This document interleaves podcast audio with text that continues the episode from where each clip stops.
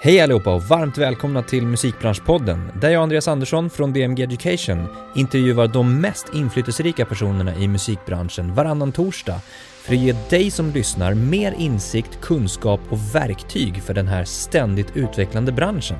I det här åttionde avsnittet av Musikbranschpodden träffar jag Alfons Karabuda som bland annat är ordförande för den svenska organisationen SKAP Alfons har utöver det här också ett gäng andra uppdrag där många just fokuserar på upphovspersoners rättigheter. Vi går djupare in på vad alla de här organisationerna gör och förklarar vad de står för och lite varför de finns. Vi pratar även mer om samt förklarar vad det nya upphovsrättsdirektivet betyder och innebär för just upphovspersoner. Och nu när det ska implementeras i svensk lagstiftning. Och såklart mängder av tips och insikter. Välkomna! Varmt välkommen till Musikbranschpodden. Tack så hjärtligt. Alfons Karabuda. Ja. Kul att ha dig här. Jättetrevligt att vara här. Ordförande i eh, SKAP, bland annat. Ja. Eh, Sveriges kompositörer och textförfattare. Stämmer bra. Vi kommer in på lite vad ni gör. Mm. Eh, men du har många, många andra uppdrag också. Som vi pratade om lite innan här. Precis. Och vi ska nämna dem lite kort. Mm. Eh, men jättekul att ha dig här. Har du fått någon semester i sommar? Det är precis eh, augusti nu. Ja, jo, men den här sommaren har jag fått lite semester och det beror på att ett stort projekt eller en process i EU eh, kom till sitt slut och Mm. det var upphovsrättsreformen. Förra året kan jag säga, då var det som mest kritiskt Mm. för oss upphovspersoner och andra i musikbranschen. Så då var det ingen semester och då menar jag ingen semester. Det var fullt ös hela ja, sommaren. Absolut. Det. Och, och det har ju pågått ganska många år. Ja, det har det. Alltså det, det lyftes ju upp till ytan kan man väl säga för eh, gemene person eller eh, branschen som helhet under förra året ganska mycket. Mm. Eh, eftersom det var då det blev ganska aktuellt med besluten och så. Precis, men det har hållit på under lång tid och jag och SKAP har varit med från början av det att man tog upp eh, upphovsrättsdirektivet igen. Okay. Och vi var faktiskt en av de parter som lämnade in bevis för eh, ja, bevis som visade på att man behöver förändra och modernisera upphovsrätten. Mhm. Eh, så genom det så tog det hela en lite annan riktning. När var det här? Jag tror de första samtalen jag hade var 2005. Ja. Då med den kommissionär som hade hand om digitaliseringen av EU, Nelly Kroes. Eh, och där började man tänka igen, ska vi ta upp den här upphovsrättsreformen igen? Eh, och då fanns det många som ville ta upp den upphovsrättsreformen. Men av anledningen att man ville nedmontera den. Mhm. Och det var då vi kom in, samlade bevis på taskiga avtal som gjordes med upphovspersoner i 12 olika länder. Mm. Och när kommissionen fick se det här, då började de känna att oj, det kanske är det här vi ska ta och förändra för att skapa en bra, ett bra landskap för Mm. kreativa industrier. För det såg man var framtiden, inte kolgruvor. Nej. Har det här med, med digitala plattformarna spett på det här också? Alltså med YouTube och Facebook och rätta ersättningsmodeller och sånt där? Jag tror så här, att när plattformar blir så stora så att de blir större än ett land, Mm. inte betalar skatt och dessutom kanske sjabblar med integriteten med folks data, då förändras förutsättningarna lite grann och det Mm. hjälpte oss. Mm. Spännande, vi kommer in på det där Mm. mer i, i, i eh, snacket här. Ja. Eh, men jättekul att ha det här och första gången jag hörde talas om dig, eh, jag tror att det var via Instagram faktiskt. Ja. Säkert via Skaps Instagram på något sätt, eller liknande. Men jag vet att du är ganska aktiv på Instagram också.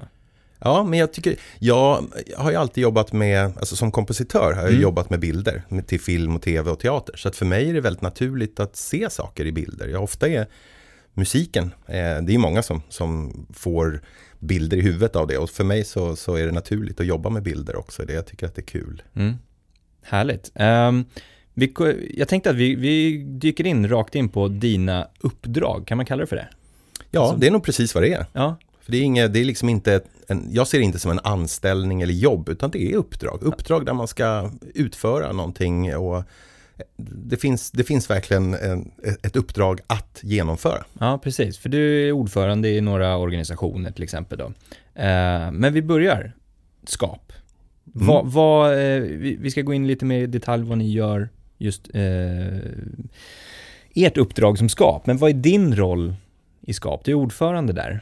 Ja, det är en ganska speciell roll för att SKAP är en förening av upphovspersoner, musikskapare, låtskrivare, producenter, textförfattare. Och det är mina kollegor som har då gett mig förtroendet att leda den här organisationen och föreningen ett tag. Mm. Och med det så har man gett mig ett mandat att faktiskt företräda dem. Så att det är ett ganska starkt mandat. Man förutsätter att, att jag förstår vad en upphovsperson behöver. Mm. Eh, och att man förstår vad det är för utmaningar man ställs inför och så. Eh, och därför är det ju väldigt viktigt att det just är en kollega. Det är, det är en annan sak när man anställer en VD till exempel till ett upphovsrättssällskap. Då kanske det är en bra merit att man har sålt eh, hörapparater väldigt bra globalt tidigare. Det finns, mm, och att man nu förstår business och kan hjälpa oss med det som ett verktyg. Men att förstå sammanhanget som vi upphovspersoner är i och att i tid kunna ge upphovspersoner och musikskapare verktyg att själva bli starkare i en bransch. Mm.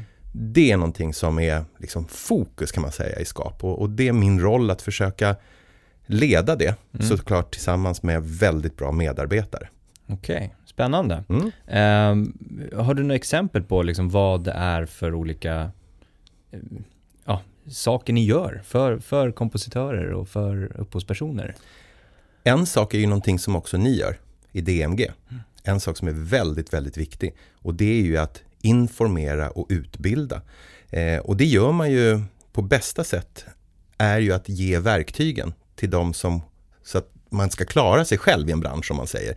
Det är, det är ingenting som ska vara toppstyrt utan väldigt mycket handlar om att ge avtalshjälp till exempel. Även om man är professionell så kan det vara nytt för en riktigt bra filmmusikkompositör att att eh, inte riktigt kanske veta hur, hur ska jag bete mig nu när Netflix kontaktar mig? Mm. Vad är det som gäller där? Vad ska jag akta mig för? Och vi har sådana globala nätverk och dessutom då den juridiska kompetensen mm. som gör att vi kan bidra med det. Men jag ska också säga att vi får ju också tillbaka information från medlemmar. Så vi har fokusgrupper där just då andra kollegor som har varit med om det här ger tillbaka. Så vi har en otroligt speciell kunskapsbank ska jag säga och mm. ett nätverk. Så det, det, ja. Ja. så det är ett bra utbyte mellan medlemmar också? Absolut, ja. det är nästan det viktigaste. Det Spännande. Eh, vi tar nästa. Du är ordförande i EXA. Ja. Också. Ja. Eh, som står för European Composer and Songwriter Alliance. Ja. Det låter nästan likadant som SKAP. Ja, och det är det faktiskt. Ja. Det är alltså, man kan säga att det är en paraplyorganisation i EU, Europa, eh, också faktiskt utanför EU. För alla, eh, det finns även medlemsländer som inte är med i EU men som är europeiska och som är med i EXA. Och det är alltså alla skaporganisationer, men också de klassiska upphovspersonsorganisationerna. I Sverige har vi ju en organisation som heter FST, för tonsättarna. Så att jag är ordförande för, man kan säga, alla FST och skaporganisationer i Europa. Just det. Och då finns det ett sånt i varje land i princip? Det kan finnas fler. Okay. Ja, precis. Mm. Så att, att, vissa länder kan ha några stycken. Mm. Eh, till och med några, kanske ett par skap och en FST-organisation i ett land och, och, så. Så det kan se lite olika ut. Okej. Okay. Det känns ju som att det är lite utmaning att, att försöka, alltså ert uppdrag då, som, som, eh, som paraplyorganisation, vad, vad blir det? Blir det in att styra in i, ja men, så här bör ni göra i ert skap eller liknande? Det är flera saker. Dels är det ju samma sak lite som vi gör på nationell nivå. Att få in information, kompetens, nätverken. Vi vet exakt vem man ska kontakta. På en minut så har vi rätt person i rätt land. Och det är ju för att vi sakta, sakta då har byggt upp den här organisationen och nätverket. Det andra, som kanske är ännu viktigare, det är att när vi går tillsammans och bildar en stark röst det är då vi kan förändra saker. Och det är så vi också har kunnat förändra EUs lagar och varit med och driva det. Det handlar ju om att, att vi inte har en massa tjafs oss emellan utan faktiskt ja. kan sätta en prioritering. Och det kan ju låta som väldigt självklart. Men jag kan säga de första åren var inte det så självklart. Utan man har ju sina egna agendor, man, man tror att man vet bäst och efter ett tag så har vi lyckats eh, få större och större förtroende för varandra Och sen tror jag att det är en liten kick när man ser att oj, vi lyckades med någonting. Mm. När Google till exempel i en kampanj mot vårt lobbyarbete lägger 3,5 miljard och att de inte lyckas med det så är det ju bara för att vi tillsammans kan samlas kring de frågor som är viktigast. Och då faktiskt inte bara i musiken. Vi var ju drivande i att faktiskt samla också regissörer, författare, dramatiker eh, och journalister i EU. Så vi bildade en egen grupp som hette Authors Group. Och med den gruppen, då var det väldigt svårt för någon att säga nej när vi ville ha ett möte. Mm. Ja, det kan jag tänka mig, att det är den kraften som man söker, den Ja. gemensamma kraften Mm. där bakom. Ehm, om vi går vidare till nästa då. Du är ordförande i Polar Music Prize Awards prisnämnd också Ja, och sitter i styrelsen där också. och sitter i styrelsen. Mm. Mm. Och, och eh, vi hade ju med Marie eh, Ledin, ja. Ledin här Ja. för något år sedan nästan. Mm. Eh, och då var arbetet fullt igång med eh, just den, den delen att, att hitta pristagarna för 2019. Mm. Det här var i höstas tror jag. Eh, eller jag tror pristagarna var nog klara kanske. Men att man, man förberedde något liknande. Mm. Eh, och nu i våras var ju själva Polarpriset. Eh, men vad blir din roll här då? För ni är ju en grupp Mm. eh, som väljer ut de kommande vinnarna helt enkelt. Precis.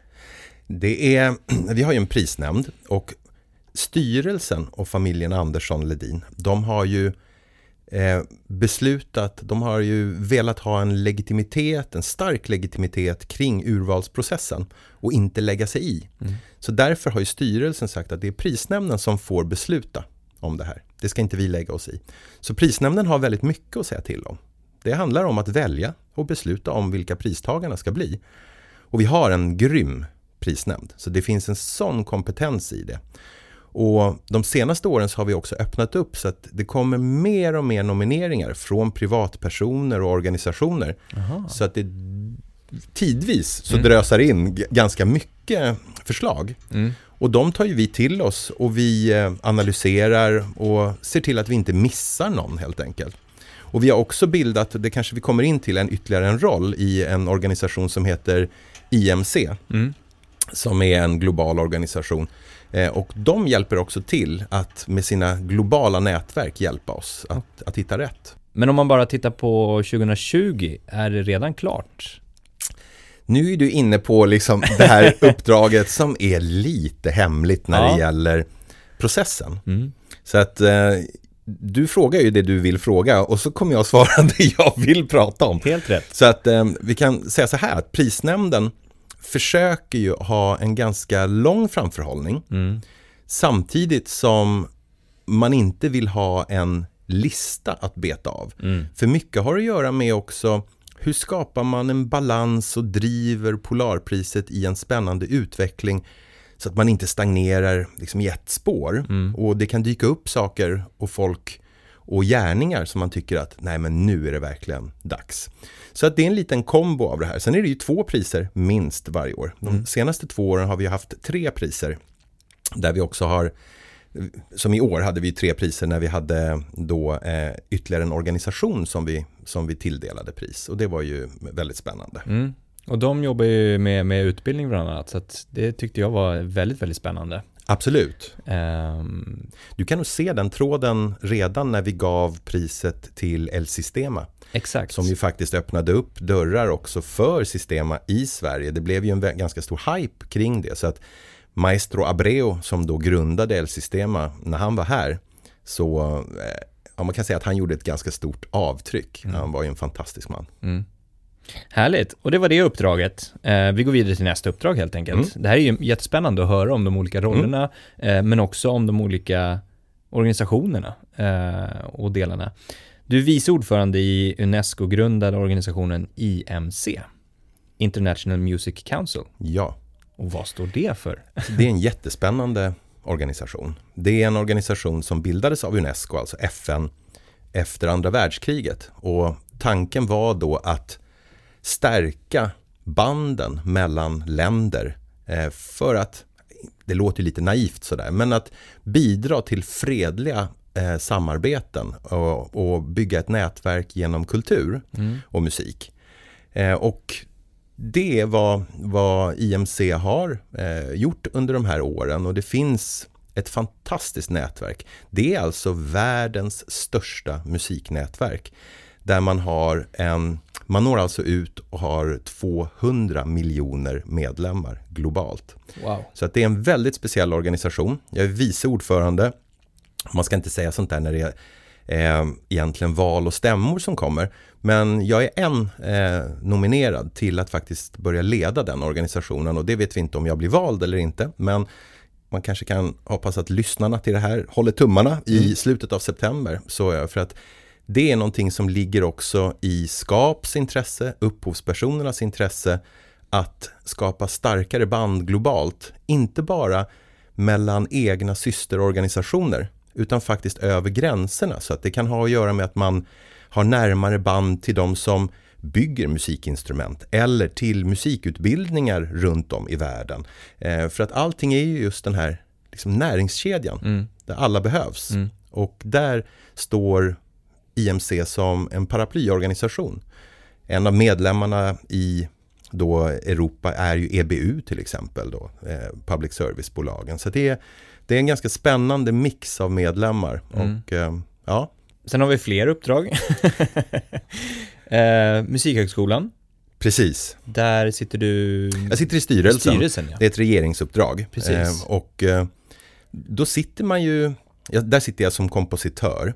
Eh, och, men såklart också för att jag har de här eh, nätverken och kanske den erfarenheten. Och, eh, och det tycker jag är väldigt spännande. För Musikhögskolan och musikutbildning är ju någonting eh, eh, väldigt viktigt och de saker som vi pratade om lite tidigare i det här programmet om att ge verktyg, ge information och stärka individerna som sen ska vara vår musikbransch. Oavsett om man är i ett skivbolag eller om man är upphovsperson så, så är det väldigt viktigt att få de möjligheterna tidigt och, och där ger jag gärna mitt perspektiv då som blir upphovspersonsperspektivet i styrelsen. Precis. Och sen så pratade vi om faktiskt ett till. Eh, kan... Jag får nästan be om ursäkt snart. Men... Nej men det, det är spännande, jag mm. tänkte jag ska binda ihop det lite sen också. Mm. Eh, men, men FN-expert?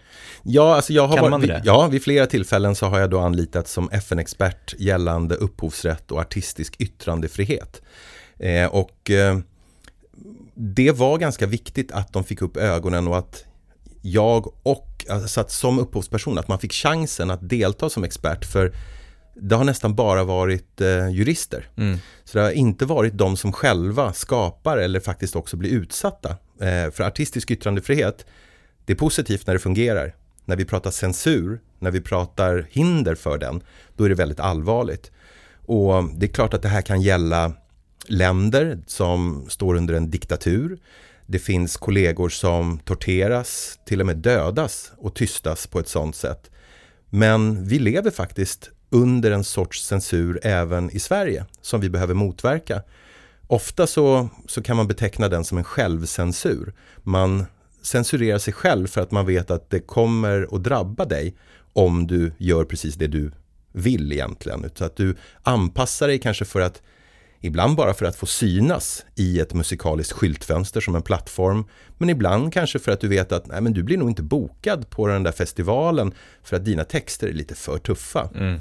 Eh, och där kommer vi in på något väldigt eh, svårt. Finns det gränser? Ja, Exakt. det gör det. Men var går de gränserna? Vem sätter dem och sådär? Det där är väldigt komplicerade saker och viktiga saker. Mm, verkligen. Det här, eh, jag tycker ju, när jag, när jag började lära mig mer om musikbranschen eh, så tyckte jag att ja, men jag, har, jag börjar få koll på de här olika aktörerna med skivbolag, med någon organisation och med förlag och live. Men sen så bara trillade det in organisation efter organisation efter organisation. Och jag vet att våra studenter kan känna sig lite överväldigade över att det finns så många. Vilka tycker du man bör ha koll på? Liksom bara om, om, man, om man är liksom kommer utifrån, oavsett om man ska jobba i, inom ett skivbolag eller om man är kompositör eller upphovsperson. Mm. Vilka är de viktigaste organisationerna att ha koll på och kanske veta lite vad de gör? Ja, jag, jag kommer till det alldeles strax. Okay. Om jag får inleda ja. så skulle jag säga så här att först och främst så ska man nog börja med att, att förstå vad man vill. Mm. Vad är det man behöver? För ofta får jag de här frågorna som att det finns något facit Vad behöver man i musikbranschen? Vad behöver man för att lyckas i musikbranschen? Ja, men det ser ju väldigt olika ut beroende på vem du är och vad du ska göra. Så när jag får frågan, ja, vilka bolag behöver jag? Ja, men du kanske inte behöver något. Eller också behöver du alla för att du ser att de kan bidra med något. Så jag tror väldigt mycket på lite bondförnuft. Där du ser, den här grejen klarar inte jag själv. Den behöver jag någon som hjälper mig med. Vem kan fixa det? Och så tittar man lite, sådär, lite kallt på vad gör de här aktörerna? Och efter det så kan man också då lite klokt tänka vad är jag beredd att betala för det? Mm. För, och inte bara gå in på att ja just det, alla andra skriver under med ett musikförlag, skivbolag, man har det och det och det och det. Utan att riktigt veta varför. Men med det sagt så ska man naturligtvis kolla på vilka är det som bidrar i den här näringskedjan som jag kallar det. För som jag ser det så är det vi som gör musiken. Det är utövarna som liksom spelar den och det är ofta samma person också, eller kan vara det. Eh, och sen så ska vi nå ut till lyssnarna. Och vad händer däremellan? Och sen ska jag vara ärlig och säga också att innan vi börjar skriva så finns ju musikutbildning, det finns ju hela den här biten som, som, som ska liksom rusta en. Och däremellan nu så är det ju väldigt mycket som har hänt. Det finns ju väldigt mycket möjligheter för oss att göra en hel del själva. Mm.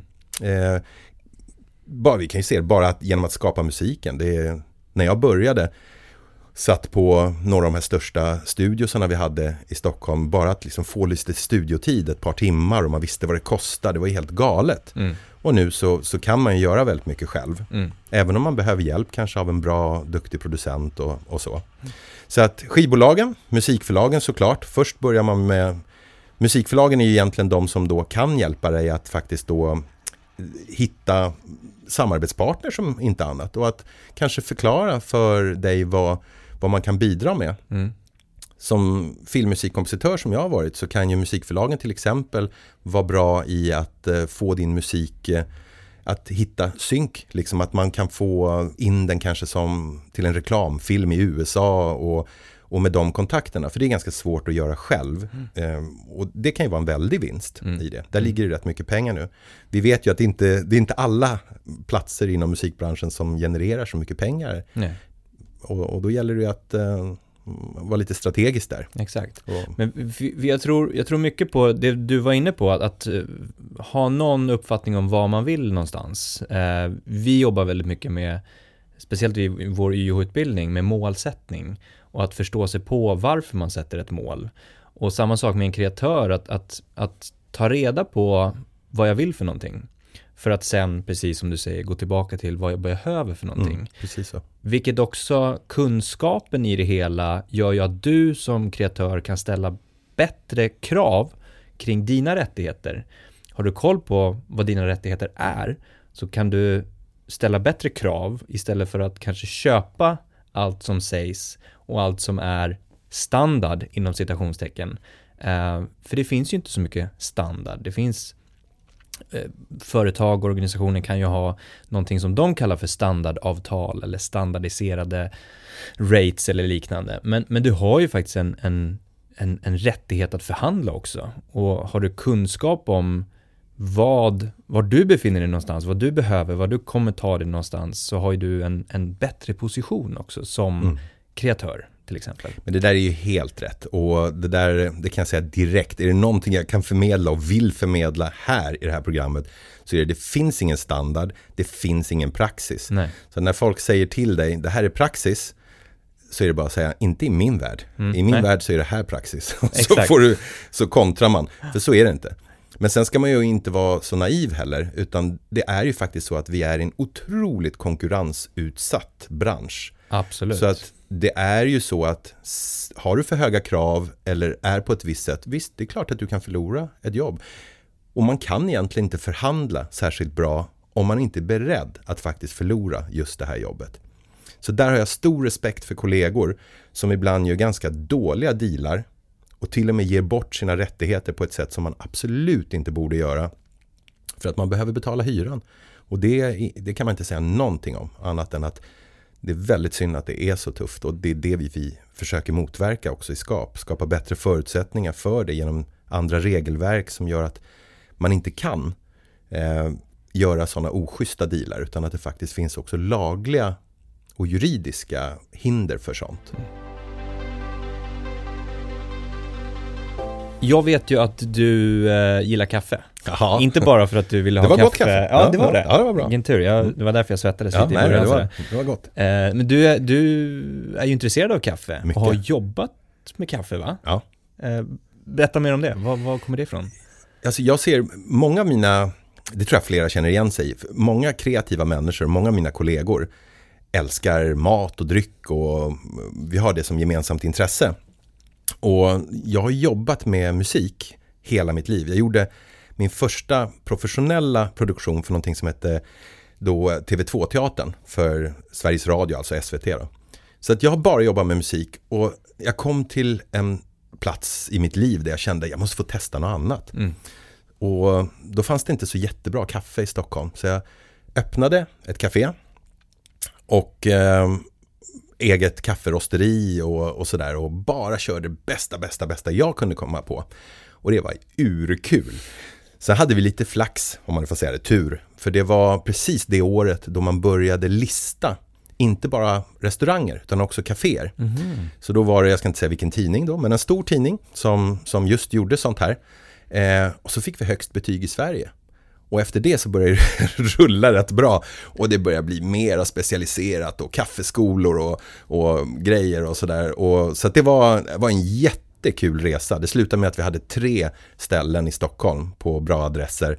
Och eh, egentligen en jättetrevlig och bra verksamhet. Men den tog ju upp absolut all tid. Så jag hade den, jag gjorde en, en musik till en film, skaffade hund och blev vald till Skaps ordförande samma år. Och då kände vi att någonting måste bort. Och, och barnen ville inte att hunden skulle bort. Så det, så det fick bli kaféerna. Men är, är, du, är du kaffenörd? Ja, det är Är det liksom, du, du, du tittar på hur de är rostade, på vilket sätt, när, Absolut. malning och ja. temperatur och... Alltså bara den saken, det är lite grann som, som med musik. Ja. När, när du börjar ändra någon parameter, Ja. för du har ju så mycket att välja på i en musikproduktion, så ändras hela resultatet. Och det är samma sak, vi hade eget kafferosteri. De 12 till 15 minuter som det kan ta till exempel att rosta, beror på, har du stark värme i början eller ökar du värmen i slutet eller i mitten för att du ska få ut lite olja ur dem eller vill du ha så mycket olja kvar i det som möjligt? Hur ska de här hanteras? Hur pass bränd smak vill du ha? Allt det där, hur snabbt kyler du den efteråt? Det är sådana där, så att när du frågar om jag är nörd, ja. Jag frågar- Ja, men jag kan tänka mig, jag liknar som du liknar det med musiker till exempel, att man, man, man är gitarrist och man nördar ner sig i gitarrer och mikrofoner och, och volymknappar och strängar och plektrum och allt sånt där, precis på samma sätt. Ehm, att det blir skoj, att det blir kul också, Ja. att det blir en passion för det. Men vad, vad dricker du för kaffe nu då? Hemma? Här, när du sätter på en kopp kaffe? Vi hade ju ett kaffe som var väldigt speciellt som vi var e- ensamma om då. Mm. Som kom från Sicilien, Zicafé, deras 50-årsjubileumsrost. Eh, och nu när jag inte har kaféerna kvar så importerar jag bara till mig själv. Så att jag, jag dricker Zicafé. Jag ska ta med mig det nästa gång vi ses. Ja, gärna. Men vad tycker du om så kapselkaffe och sånt då? Ja men allting är eh, egentligen mycket bättre kvalitet nu än vad den sortens, om man nu säger konsumentsaker var förut. Mm. Eh, den firman som gör det största, eh, alltså den största firman med sådana kapsel, de kom till mig då i början av 2000-talet innan de hade liksom slagit här och bad oss gå igenom smakerna eh, och betygsätta dem och vad de skulle vara bra för och sådär och vad de passade till. Och då ska man komma ihåg, för det här är en ganska intressant sak också när det gäller musik. Den firman försökte eh, slå då och det gick inte. Det fanns inte intresse. Det var för tidigt på något sätt. Det var för tidigt. Jaha. Och sen kom de och nu kan vi väl säga att de är precis överallt. Ja. Så att ibland kan det vara precis samma sak med, med musik. Ja. Att man kan vara för tidig. Ja. Ja, men Och för tidig är bättre än att vara för sen. Ja men verkligen, en affärsmodell att, att timingen, ja timing är det är jätteviktigt. det som är så viktigt. Och den kan du inte bestämma över. Nej. Utan Nej. den behöver bara se till att Mm. få till helt enkelt.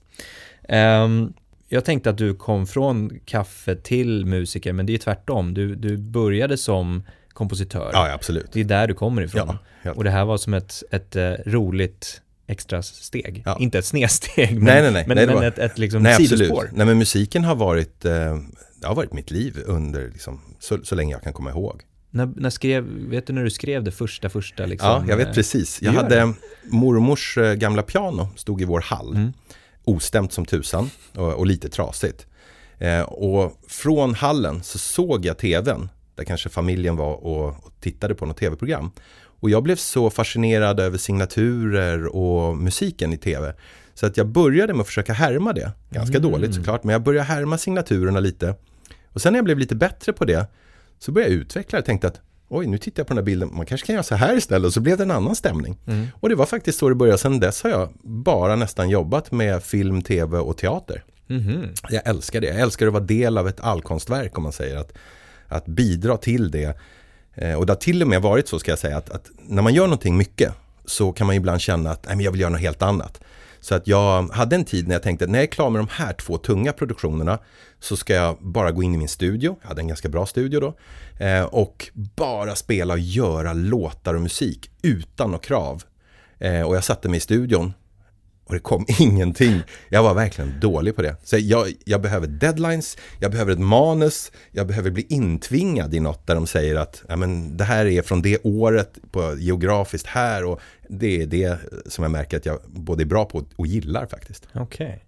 Kan, kan du också sätta det, kan du få ett, en den här musiken som du ska skapa nu ska användas i det här sammanhanget, reklamfilm mm. eller till en tv-serie eller liknande för att få den känslan också. Ja, ja, absolut. Alltså det är det jag gillar. Mm. Så att det är att, att, leva sig in i det och att samarbeta och att på tidigt stadium, för det tror jag är viktigt, att komma in tidigt och förstå.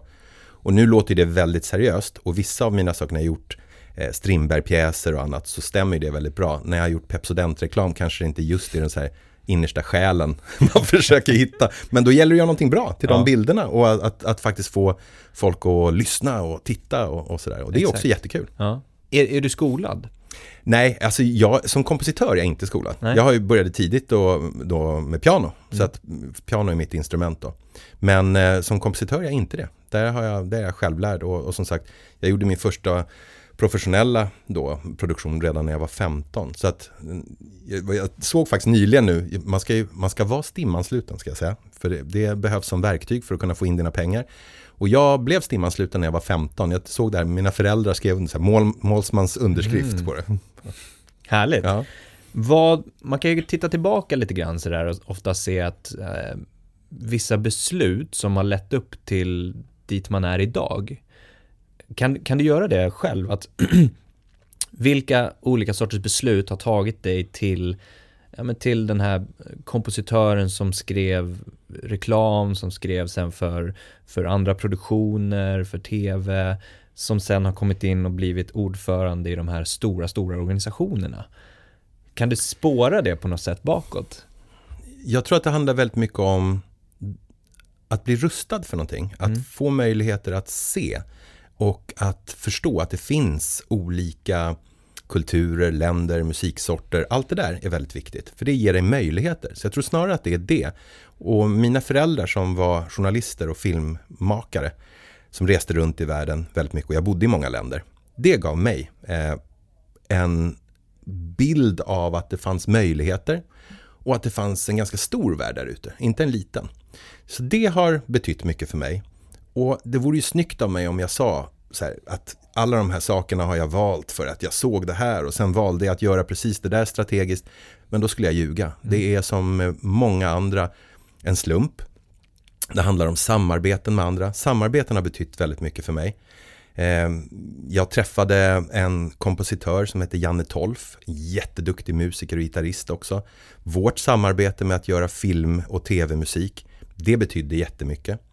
Eh, och, eh, så det är sådana möten och samarbeten som snarare har betytt mycket. Och en sån sak till exempel som hur valde du att kanske då vilja bli skapordförande?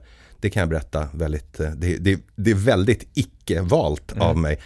Jag fick ett pris av Skap ett år, 97 tror jag det var, eh, för bästa sådär, filmmusik och, och media. Och jag hade ingen aning om att Skap fanns. Så jag gick på den där prisutdelningen och om jag ska vara helt ärlig så var jag ingen föreningsmänniska och tyckte så här, det är väl lite konstigt. Liksom, så där. Och så började jag sitta och prata med mina kollegor. Povel Ramel och andra jättespännande och skickliga kollegor. Och jag blev helt tagen för att jag förstod att men gud vilken gemenskap. Här sitter vi alla som jobbar väldigt isolerat. Och så träffas vi och samarbetar och utbyter gemenskap eh, och, och gemensamma åsikter och erfarenheter. Det gjorde mig så intresserad att jag då när jag blev tillfrågad långt senare om att, att komma med i styrelsen, att säga ja till det. Mm. Och sen så har jag bara brunnit för det här, eh, 100 procent. Men har du alltid vågat säga ja? Ja. Du har det? ja. Och vad, vad grundar sig det i? Är det nyfikenhet på något sätt eller? Det är väl nyfikenhet och lite dumhet. Det är väl en kombination av det där. Att man, att man inte ser farorna och vad som kan gå snett eh, före det som kan fungera bra. Mm. Jag ser det positiva och möjligheten att förändra är starkare i min bild som jag bygger upp. Eh, och, och då, så det är väl den här målbilden. Mm. Det är väl som idrottskvinnor och idrottsmän som, som när de lägger upp en, en målbild så är det väl få som, som liksom lägger in att jag kanske snubblar med skidorna här och här kanske staven går sönder. Då tror jag att man är rätt eh, då är man rätt körd. Mm. Men kanske inse att det kan hända. Ja, man måste förbereda sig. Man kan starka stavar och bra Exakt. skidor. Ja, ja, det har du helt rätt i. Så att absolut, nej, men man, återigen, naivitet är inte det man, man söker här. Men däremot så tror jag att man måste, eh, man måste vara lite modig också. Mm. Ska vi gå in på lite mer skap? Ja, gärna. Och, och, Mm. och, och ert uppdrag då? Ehm, lite mer i detalj. Hur många medlemmar till exempel, om vi börjar där? Skap har ungefär 1500 medlemmar. Men Skap arbetar inte bara för sina medlemmar utan för hela kollektivet av musikskapare. Mm. Så det ska man ha klart för sig. Och när vi är med och hjälper till att ändra lagar så är det inte bara våra medlemmar som får hjälp av det. Och när vi får när vi har vissa medlemsevents och annat sådär så är det inte bara medlemmar utan vi bjuder in andra också. Och vi kommer till musikutbildningar och så allting. Men Skap från början bildades 1926 och det bildades ju av kollegor. Mm. Och de kollegorna och också innan med våra tonsättarkollegor som det är ju det är upphovspersonerna som till exempel eh, såg att vi behöver ett verktyg för att kunna kommersialisera på vår musik eh, så att vi bildar STIM. Så det är inte åt andra hållet utan det är upphovspersonerna som har skapat STIM till exempel. Och, och på samma sätt så har vi under åren hjälpt till att, att både utbilda, utveckla, vara med framåt i branschen för att skapa en bransch som, som ska kunna fortsätta vara eh, liksom livskraftig och bra. Mm. Så att, eh, och det har fortsatt. Eh, Men sen har ju branschen förändrats väldigt mycket. Och då måste vi också vara långt fram. Vi måste vara öppna för utveckling. Vi måste se till att, att vi som skapar har en kunskap och att vi ges bästa förutsättningar. Och det gör man på många olika sätt. Så att eh, dels att informera, vi har juridisk hjälp, vi sysslar ju med lobbyarbete väldigt mycket. Men sen ger vi priser. För det är också väldigt viktigt att uppmuntra bra saker som görs i musik eh, av, av kollegor. Och det vet jag att det uppskattas väldigt mycket. Så att där har vi ju en, en, en prisnämnd kan man säga, eller priskommitté där också, som varje år väljer ut speciellt eh, talangfulla kollegor Mm. i, inom olika genrer. Den är väldigt viktig också. Och sen ska man inte glömma det här nätverkandet. För vi träffas och vi träffas tillsammans och när kreativa människor träffas, då händer det saker. Mm.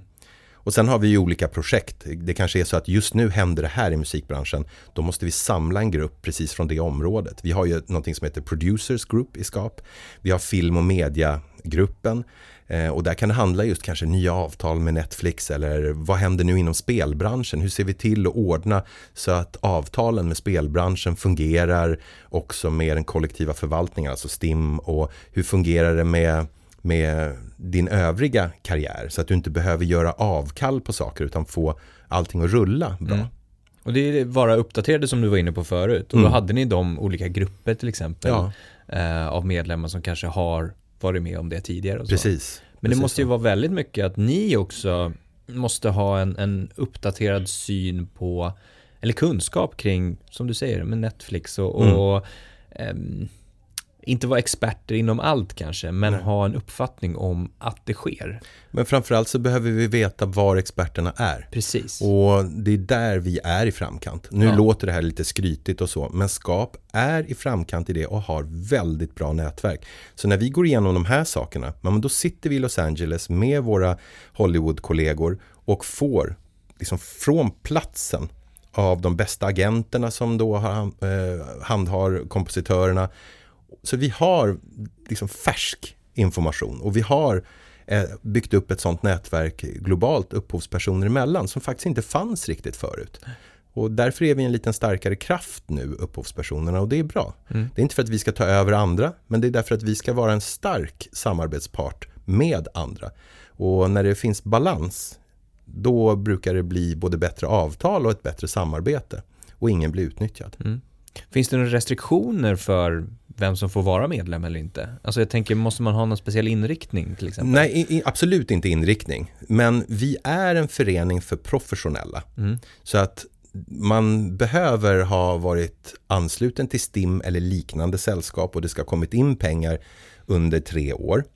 Eh, men vi har också någonting som heter Nyskaparna för de som ännu inte kan bli medlemmar. De kanske är, det kanske är musikstuderande, kanske några av era studenter eller de som, som kan bli det och genom det kostnadsfritt få information från oss och vara del vid eh, flera av våra events som vi inte heller tar betalt för utan vi gör ju inte de här sakerna för att vi ska tjäna pengar. Vi är ju inte ett vinstdrivande eh, liksom, organ i det utan tvärtom. Det, vår uppgift är att ge mm. och att skapa bättre förutsättningar. Och när jag säger vi så är ju det upphovspersonerna själva som liksom har finansierat det här ända från start. Mm. Och sen du blev liksom en del av SKAP, inte som medlem utan då som, som eh, ordförande. Hur har, hur har ni förändrats eller hur har ni behövt förändras med teknikens utveckling till exempel och vad, vad, vad har ni behövt lägga fokus på? Det är ju så här att, att musikbranschen på ett sätt så, så blev den ju lite fragmentiserad, den förändrades väldigt mycket och den förändringen kan ibland vara svårast för den i branschen som har starkast position. Vi hade inte det. Så för oss var det inte lika svårt att hitta nya vägar, att se innovationer som någonting positivt, mm. att hitta nya samarbetspartners. Så att med det att vi inte hade så mycket att förlora så har vi liksom kunnat bygga oss starkare genom nya samarbetspartners, genom att våga titta på innovation. Vi är ju, jag brukar säga det, vi som skapar, vi är ju uppfinnare. Dessutom så är vi också investerare. Det är inte alla som gillar att höra det, men det är vi som investerar de första kronorna i en produktion genom att faktiskt skapa, ofta i egna studios och göra. Så att man, jag tycker vi ska ha ett, ibland behöver vi ha ett bättre självförtroende i vad vi bidrar till som liksom nyckeln mm. till att skapa musik. Okej. Okay. Och hur ser framtiden ut då? Vad, nu, nu har vi, vi pratat om upphovsrättsdirektivet som har varit en ganska stor fråga. Men framöver, vad kommer ni lägga fokus på? Eh, först och främst nu i Sverige om vi ser då, så ska vi ju implementera det här direktivet. Och det är ungefär ett och ett halvt år kvar, nästan två. Så att, och med det menas att EU har gjort ett, skrivit ett direktiv som alla nu har kommit överens om efter lite, lite turbulens. Mm. Eh, och det ska nu in i svensk lag. Och då måste vi här i Sverige, SKAP då, eh, är ju en av de aktörer som ska bidra som experter för att förklara, men varför ska det inte se ut så här? Mm. Om vi urvattnar den här paragrafen, vad innebär det? För vi har faktiskt skrivit, vi genom EXA har varit med och skrivit några av de här paragraferna som kommer att stärka oss avtalsmässigt rejält. Och det finns riktigt konkreta exempel på det. Mm. Grymt. Mm. Och om man eh, kanske inte riktigt har koll, man har hört talas om upphovsrättsdirektivet och det är artiklar hit och dit. Och mm. Man slänger, sig med nummer hit och dit. Mm. Och artikel 13 och 17. Mm. Och, eh, kan vi sammanfatta det kort? Jag förstår att det kanske är lite mm. avancerat, men kan man sammanfatta det kort vad det betyder för en musikskapare till exempel? Absolut. Då kan man säga så här att i början av programmet så nämnde jag någonting om att vi hade samlat eh, bevis från 12 länder på dåliga avtal. Mm. Och när jag säger dåliga, då är det inte så att det var lite dåligt betalt, utan exempel på hur upphovspersoner tvingas skriva över rättigheter trots att motparten inte gör någonting för de rättigheterna. Eh, och vi hade inspelade band från ett tv-bolag där de sa att om inte du skriver över dina rättigheter till oss så kommer du aldrig mer att arbeta på något av våra bolag mer i hela ditt liv. Så en sån inspelning, det var ju någonting som också triggade oss att så där kan vi inte ha det. Det är inte schysst, det förstår alla. Så att vad vi har lyckats få in tillsammans då med kollegor, det är några paragrafer. En, tre paragrafer som kallas för transparenstriangeln. Och det här låter, jag vet att det är så krångligt och det är paragrafer, så jag säger inte ens numren på paragraferna. Nej. Men jag ger några exempel. Ja. En sak är att din motpart måste vara transparent, alltså visa hur man har använt din musik och minst en gång om året redovisa pengaströmmen. Det låter ju helt naturligt, men det är inte så det har funkat. Så det är en sak. Sen finns det en sak som heter eh, Better Seller Clause eller Best Seller Clause. Och det är någonting som säger att vi har gjort ett avtal, men i efterhand visar det sig att det var ett sjukt dåligt avtal för dig. Det finns några exempel. Jag har en kollega, en vän till mig i Tyskland som, som heter Klaus Doldinger som har gjort musiken till en film som heter Ubåten. Det är många som känner till den. Det var inte liksom sagt att den skulle bli sån succé. Så han fick väldigt lite pengar. Han fick, jag tror det var 5000 euro i början. Någonting. Och sen visade det sig att den drar in alltså, multum i alla länder. Och då kunde han använda, för den här regeln fanns redan i Tyskland. Då kunde han helt enkelt enligt lag få ändra det avtalet. Mm. Och det är vad som finns i direktivet nu. Så har du gjort ett sånt dåligt avtal så får du ändra det. Och det här kommer ju ändra redan hur din motpart gör avtal. För det är ingen som vill göra det så dåligt nu så att de måste omförhandla det. Utan då vill man vara ganska schysst i det. Mm. Och sen så finns det till exempel ett exempel till ska jag ta. Och det är ju att du har en rättighet. Men det är svårt att hävda rättigheten därför att du inte har råd att gå in i en dyr rättsprocess. Så är det ofta i USA.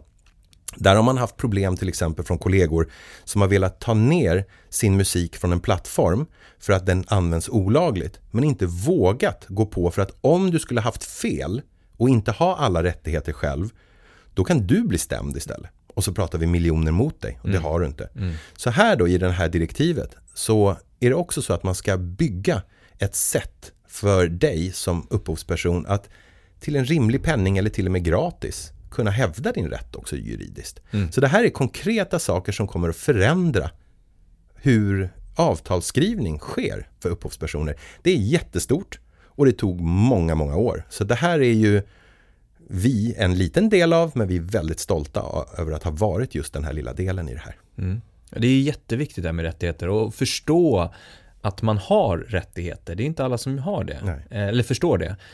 Sitter du på din kammare eller sitter i källaren som ett band och spelar musik och så är du bara väldigt glad för att någon lyssnar på musiken och det är ofta så att nej men jag ska inte komma här och, och kräva några pengar mm. utan bara, bara jag får spela musik och det lyssnas på det så är jag nöjd.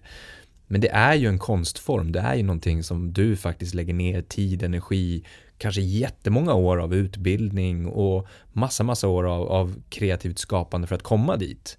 Så du har ju rättigheter och du har rätten på din sida att få betalt för det. Jätte, jätteviktigt. Men om vi tittar på, vad tror du bara, jättesvår fråga, jag förstår, men vad tror du det kommer ta i tid att implementera det här i lagstiftningen nu då? Det är inte så svårt. Inte? Det är faktiskt, nej, därför att det är också satt eh, mm -hmm. en gräns av eh, EU. Så att eh, om du inte gör det här inom två år från det datum där beslutet togs och det tror jag blir då inte nästa år i juni, början av juni, utan året efter. Ja. Det är gränsen. Om du inte har fixat det till dess så blir det skyhöga böter. Så det kommer alla vilja göra. Så det kommer att bli gjort. Bra, det där är ju jättespännande att se då hur det kommer påverka mm. avtalsskrivningen, verkligen. Eh, och en, en rättvisare bransch. Helt klart. Men om man tittar på just branschen och rättvis kan man ju prata om just upphovspersoner, man kan prata om artister, man kan prata om live och så vidare och så vidare. Kan man sammanfatta det med att eh, det har varit en liten orättvis bransch i olika perioder för olika aktörer? Alltså jag tänker mig på allt som hände med Napster eran om vi sammanfattar det med det och vi pratar nu med upphovsrättsdirektivet och kanske vi får en, en mer rättvis bransch för skaparna och det har varit en orättvis bransch för artister tidigare och skivbolag. Går det lite i sådana cykler? Jag vill ju vara positiv. Jag kan väl säga så här att under hela den här, det har gått i cykler där de som har tjänat mest pengar har varit olika aktörer. Mm. Men det har aldrig varit upphovspersonerna och artisterna. Mm. Eh, och när jag säger det, det är klart att det alltid finns någon artist som är miljardär och gör det. Men det är inte, det är liksom inte normen. Eh, så att det är väl så att, och det här är inte för att göra det dystert på något sätt, men det har varit andra aktörer som har finansierat och som sen har kapitaliserat och fått den större delen av vinsten. Och så är det fortfarande, men jag tror på en mer, alltså en större demokratisering av musikbranschen. Men det får man bara genom att fler har mer kunskap och att man öppnar upp just för en bredare konkurrens. Det tror jag är väldigt viktigt. Så att från Skaps sida så är vi med och hjälper startups och andra bolag som vill in på nya sätt i musikbranschen därför att vi tycker att det är bra med konkurrens. Så vi ser ju gärna att det finns tio Spotify istället för ett. Och vi ser gärna att det kommer någon och bryter ny mark. Men inte bryter ny mark på ett gammalt sätt. Det finns ju bolag, jag ska inte säga namnet, men som hävdar att man är ny för att man köper loss alla rättigheter från upphovspersonen och sen så tar man alla pengarna i all framtid från royalties och upphovspersonen står där och har fått 600 spänn eller 1000 eller 2000. Det är ett gammalt sätt. Det var så man gjorde i slutet på 1800-talet. Så det räknar jag inte som det nya. Det nya är när man skapar nya möjligheter att exploatera och att nå ut på nya sätt. Och det finns jättespännande saker. Och det händer saker just nu. Vi sitter ju i, i processer, utvecklingsprocesser med flera av de här bolagen också. Finns det andra sätt eh, man kan jobba med att stärka upphovspersoners rättigheter än, än bara liksom det här vi pratar om nu, upphovsrättsdirektiv eller liknande? Finns det andra sätt som kanske inte är uppe vid ytan än så att säga? Ja men det tror jag. Dels är det ju då, som jag sa lite tidigare, att man ges nycklar att att agera själv. Att vara en större del av musikbranschen. Att man inte bara skriver sin musik och så lämnar man över det och sen är det mm. klart. Utan mm. faktiskt vara med och påverka en hel del på vägen. Det tror jag, det är en sak. Sen så är det ju, jag menar, det, det utvecklas hela tiden och jag tror att eh, när vi pratar utbildning här, för jag kommer tillbaks till det och det är ju ganska relevant just här, så är det ju viktigt att utbilda inte bara upphovspersonerna, utan att utbilda de olika aktörerna om varandras roll. Och har man större förståelse för de andras roll i den här, igen då, näringskedjan eller ekosystemet, då tror jag att man också har en, en respekt och kanske förstår att om det inte funkar bra för dig så kommer det inte heller funka bra för mig. Så att man kan rent egoistiskt vilja göra det bättre för andra i branschen för att man då ser att ja, men då får vi en starkare bransch, en större kaka och vi kan eh, helt enkelt eh, till och med tjäna mer pengar på det. Mm. Ja, men det, jag hade Maria Svedenström, eh, chefsjurist på Warner, mm. i podden i, i våras. Och då pratade vi lite grann om det också, att, att eh, artister kan tro att, att skivbolag vill blåsa en. Mm.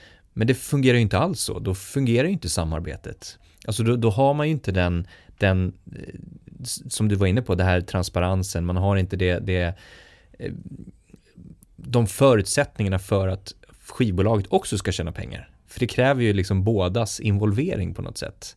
Eh, sen så kan, finns det väl självklart liksom så här, exempel på artister som har blivit blåsta. Men där kommer man ju återigen in på att du har ju fortfarande ett eget ansvar som artist eller upphovsperson att ta reda på dina rättigheter, precis som i vilken annan bransch eller som, som människa eller person i ett samhälle också. Du har rättigheter till mm. vissa saker. Mm. Och det är ju faktiskt din, din du, du, du kan själv ta reda på det. Um, Får jag säga en sak där då? För jag, jag håller helt och hållet med dig. Men jag tror att en av nycklarna är att det måste finnas personer i den här branschen som förstår musik och musikens värde. Mm. Och när jag säger det så är inte det så självklart. För vi ser också tendenser på att oj, musikbranschen är intressant penningmässigt. Och så börjar man få in pensionsinvesterare, Blackstone och andra som investerar i strukturerna. Och de kanske inte är så intresserade av musiken som det var för min pappas då bekanta eller vän som hade ett skivbolag som hette Atlantic Records, Ahmet Ertegun. Han körde ju, visst han var en skivbolag så han var en boss, men han älskade musiken och mm. kunde väldigt mycket om musiken. Och det finns många sådana bra exempel här i Sverige också. Med fantastiskt folk både på musikförlagen och skivbolagen. Och så att det handlar ju verkligen inte om att man ska motarbeta eller se varandra som något hot. Det handlar om att hitta rätt personer, bra personer och bra bolag att samarbeta med. Och det är därför transparensen är så viktig. För om du som upphovsperson verkligen ser vad de andra har att erbjuda, då kommer du välja bra samarbetspartners och då blir det bra för alla. För att det finns rötägg i den här branschen precis som i alla andra. Precis på samma sätt, och nu får du väl klippa bort det nästan, precis på samma sätt som det finns eh, musikskapare som inte är så bra heller. Och kanske det, det, kan vara en anledning till att det inte funkar också. Ja, men det är inte en rättighet för alla, men för de som faktiskt är bra, för de som lyssnarna vill lyssna på, så ska det finnas möjligheter. Och, mm. och det är där vi finns. Mm. Helt klart. Jag tänkte att vi ska sammanfatta lite grann med, med du har kommit med massa bra tips såklart vi har pratat om, men om vi får eh, sammanfatta några tips för kompositörer, eh, upphovspersoner. Vad bör man tänka på? Återigen, nu använder vi ordet rättigheter igen, men vad, vad är det viktigaste att tänka på? Vi tar ett exempel att man har kommit en liten bit i sin karriär. Man har släppt lite musik, eh, antingen om man har spelat det själv eller andra artister som har spelat ens musik då. då. Eh, vad bör man liksom lägga fokus på här? Vad bör man tänka på? Först och främst är ju fokuset faktiskt på att utveckla sin musik. Det är ju, jag menar, det måste alltid vara nummer ett. Och sen kan jag tycka att det är okej okay att man faktiskt lämnar över lite av ansvaret när det gäller rättigheter och det till till exempel en intresseorganisation som SKAP. Och det är inte bara för, alltså en sak är ju att för att man själv ska kunna fokusera på sitt. Men jag förstår också att det här med att skapa dålig stämning, det här med att, att inte våga ta i de lite jobbiga frågorna med en motpart. Nej men låt oss göra det då. Det är ju det vi är valda att göra. Tro mig, det, jag, det finns de som tycker om mig eh, mycket. Och det finns de som tycker jag är otroligt jobbig. Eh, så länge det är motparter som tycker jag är jobbig så är det bättre än tvärtom. Eh, och, så att jag förstår det. Eh, så att man ska inte ha för hårt tryck på sig heller att man måste kunna allt. Man måste kunna allt och man måste göra allting. Det handlar snarare om att hitta rätt i, alltså rätt plats i en bransch och att eh, känna sig trygg med dem man samarbetar med. Och det är inte så lätt. Men eh, det skulle jag nästan ge som det viktigaste eh, rådet i det faktiskt. Bra. Håll fast vid de som är bra. Exakt. Du ska få en fråga från föregående gäst också. Shivar Shabani som har grundat eh, Gigital och jobbar som vd där. Om du skulle få starta ett band med vem som helst i hela världen, vem skulle du vilja starta band med då?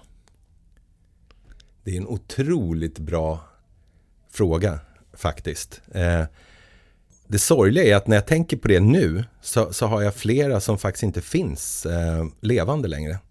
Får man, får man tänka sig den tanken med du, någon som faktiskt eh, inte finns Du får längre? dispens, så ja. du får göra det. Jag, känner, jag vet inte varför att jag är i ett sånt mood just nu. Men jag skulle ju gärna starta med Bob Marley. Alltså. Det hade ju varit riktigt bra. Jag vet att jag har, ibland kan jag vara så här istället som att nej, jag vill skriva med Penderecki, jag vill göra det här. Så det är väldigt brett. Ja. Nej, jag vill, jag vill ut och spela, kanske för att det finns lite sommar kvar i mig också. Ja, Bob Marley säger jag. Bob Marley, ja. härligt. Du ska få ställa en fråga till nästa gäst. Vad skulle du vilja ställa då? Får jag ge en liten förklaring till frågan först? Självklart. Pytteliten. I, inte bara i vår bransch, men det är ofta så att man säger bra saker.